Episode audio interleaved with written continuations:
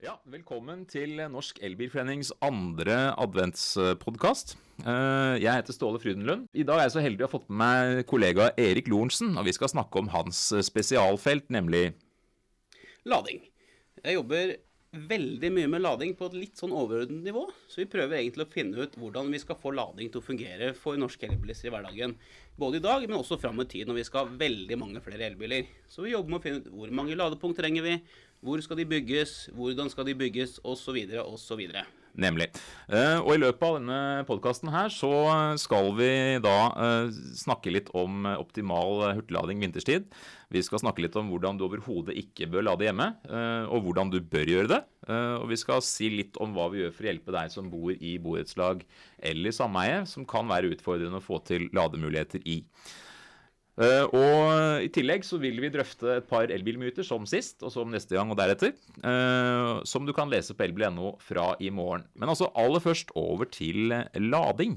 Ja, nå skal vi snakke om offentlig lading først. Altså punkter som er offentlig tilgjengelig.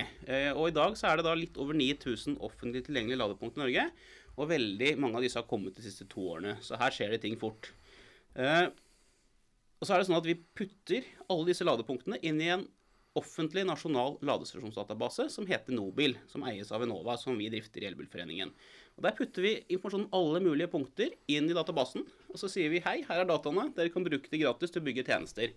Så det er disse dataene som brukes i alle de ulike bilene, i navigasjonssystemene og i karttjenester på nett. Mm. Eh, så hvis dere finner et ladepunkt i, i, virkeligheten som dere ikke finner på karttjenestene, så er det veldig fint om dere sender oss et tips om det på post at nobil.no.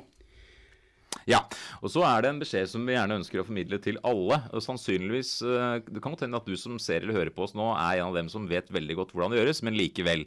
Når du er ferdig med å lade, enten det er hurtig eller normallading, hva gjør du? Da flytter du bilen. Vi må passe på å bruke ladepunktene til lading og ikke til parkering. Nettopp. Dette har vi gjentatt veldig mange ganger, og vi kommer sikkert til å fortsette å gjenta det. Men vær så snill, lad ferdig, flytt bilen. Nettopp.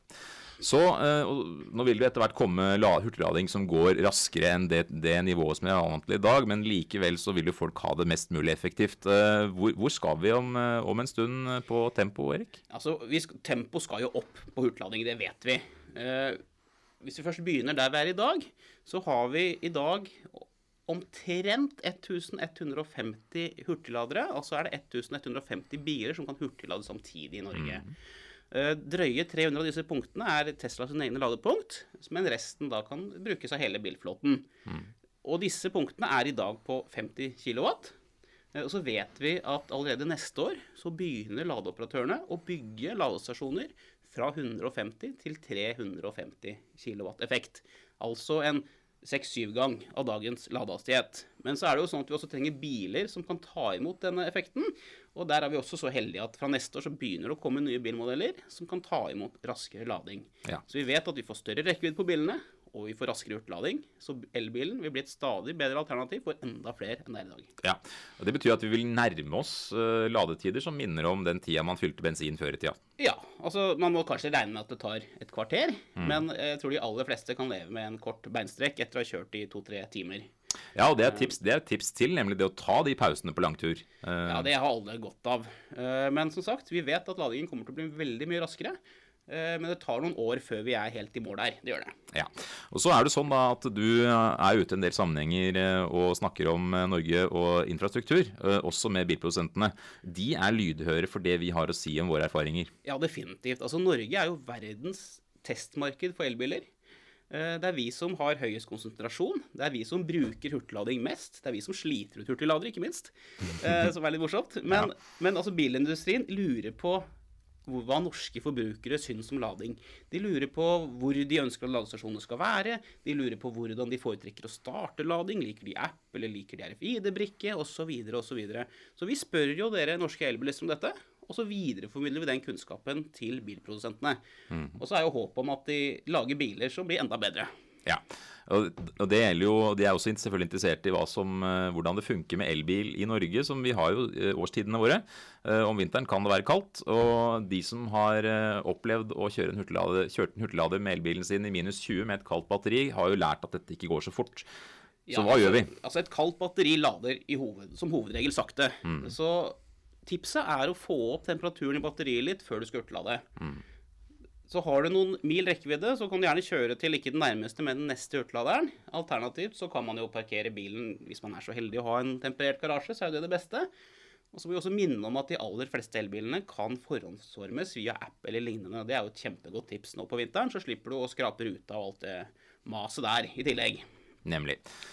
Eh, og eh, ja, og så bare kort Hvis du da ikke gjør det, eh, og bilen er helt kald, så kan det fort ta et par timer. Ja, det kan det. Og, det, er, det er ikke å anbefale. Så forvarming, eller kjør til en hurtiglader som er litt lenger unna enn akkurat der du er.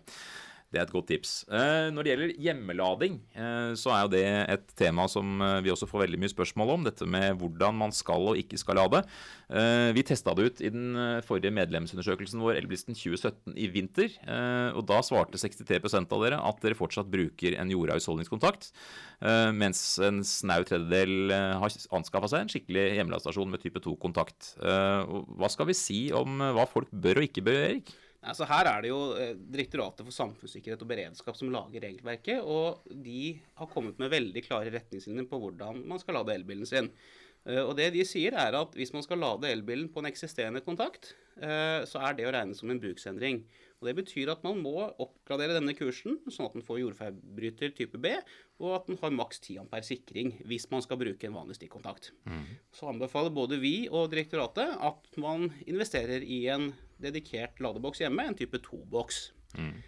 og Den gir deg veldig trygg og veldig enkel lading, og den gir også mulighet for litt raskere lading. Det kommer vi litt tilbake til. eh, Men aller først, hvis du da er på tur eh, eller besøker familie og trenger å lade, så kan du jo bruke en vanlig stikkontakt. Ja, det er fullt lovlig å lade sporadisk på eksisterende stikkontakter. Eh, For sikkerhets skyld så kan det være lurt å gå ut etter et par timer og ta ut kontakten og kjenne på den, og er den veldig varm, så bør du avbryte ladingen. Men vanligvis så går dette helt fint, Ja. men vi må jo være på den sikre siden her. Ja, og så er, gjelder det også da å avlaste denne kladden som du finner på de klassiske ladekablene. Uh, den, det kan du fikse med en krok og en hyssing. Uh, pass på at den ikke henger rett på kontakten, for den er bare godkjent for en halv kilo hengende vekt. Og hvis du ikke avlaster, så risikerer du at du får en eh, varmgang i overgangen. Og en nedsmelting. Ja. Eh, og med enkle forholdsregler og at du følger litt med, så går dette fint. Eh, og det ønsker vi bare å gi et kjapt og enkelt og greit tips om. Ja. Og så er det mange som spør oss og sier at de syns det er veldig dyrt å putte opp en hjemmeladestasjon. Eh, nå er det sånn at dette blir stadig billigere, vi får mer og mer konkurranse i markedet. Og man må rett og slett se på det litt som å kjøpe vinterdekk til bilen. Dette er tilleggsutstyr som man bør investere i. I tillegg så er det jo sånn at det blir stadig flere ladbare biler på norske veier. Eh, og når en- man skal kjøpe ny bolig, så er det jo Man har jo ikke lyst til å gå tilbake til bensinbil, og da er man veldig opptatt av at det er lademulighet der man eventuelt skal flytte. Så det er jo et, tips, eh, kanskje spesielt for å få borettslag til også å få på plass lading. Nettopp. Og øh, vi vet jo at mange av dere har utfordringer i møte med styreledere i enten borettslag eller sameier. Vi vet jo alle om denne TV-figuren kalt Roy Narvestad. Eh, ikke den mest framoverlente personen, og det har jo blitt et, eh, en slags eh, kallenavn på styreleder rundt forbi, som ikke er med på denne overgangen til elektrifisering. Eh, og vi tenker som så at hvis ikke Narvestad, den lokale Narvestaden skjønner lading for elbil, eller har behov for det selv, så skjønner han økonomien i å gjøre borettslaget, sameiet, mer attraktivt ved å legge til rette. Ja, Som sagt så er det etter hvert veldig mange som har en elbil, eh, og, og du vil ikke da kjøpe en leilighet uten elbil. Eh, lading, mulighet. Nettopp. Eh, Så det er absolutt å anbefale å få på plass.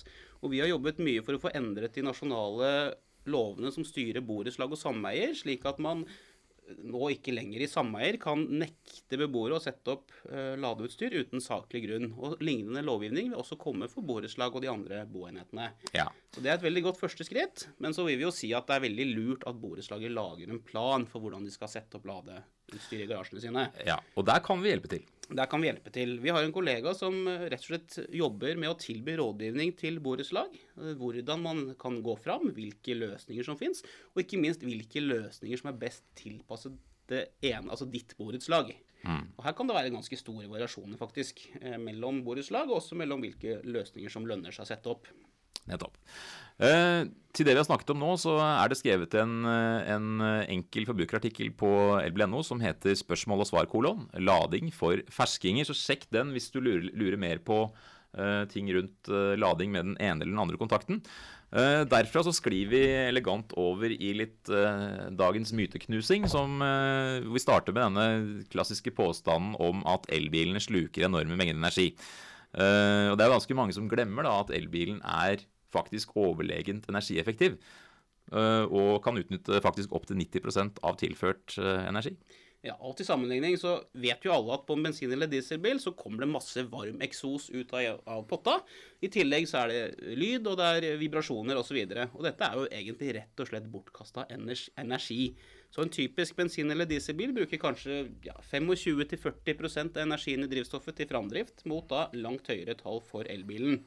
Ja, og hvis vi da går til eh, klassisk elbil, så litt avhengig av størrelsen, så vil du bruke et sted mellom 1,5 og 2,5 kWt per mil gjennom, i gjennomsnitt uh, i, gjennom året.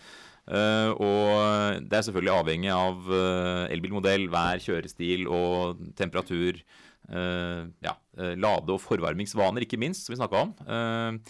Eh, men, og Hvis du da kjører en uh, gjennomsnittlig kjørelengde i løpet av et år, som Statistisk sentralbyrå oppgir for i fjor var 12.289 km, uh, og bruker i snitt 2 kWt per mil, så vil du bruke 2500 av dem i året.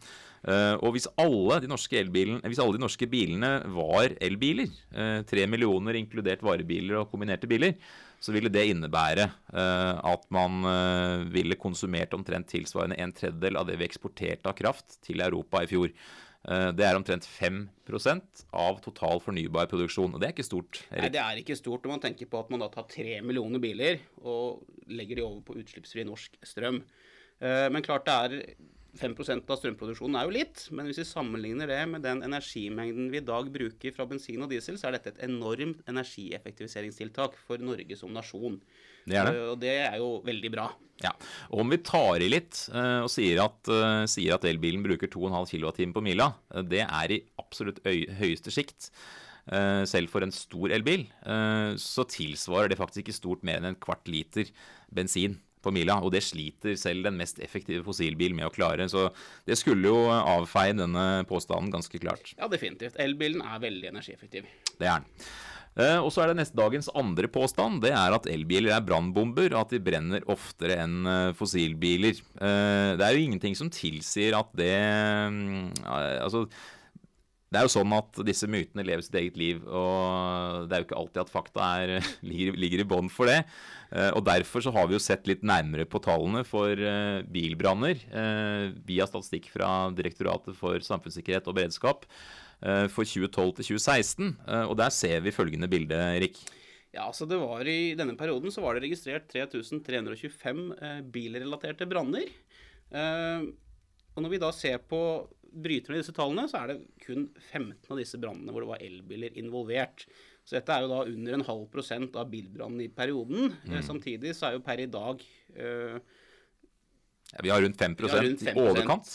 elbiler på norske veier av alle bilene på veiene. Ja, personbiler.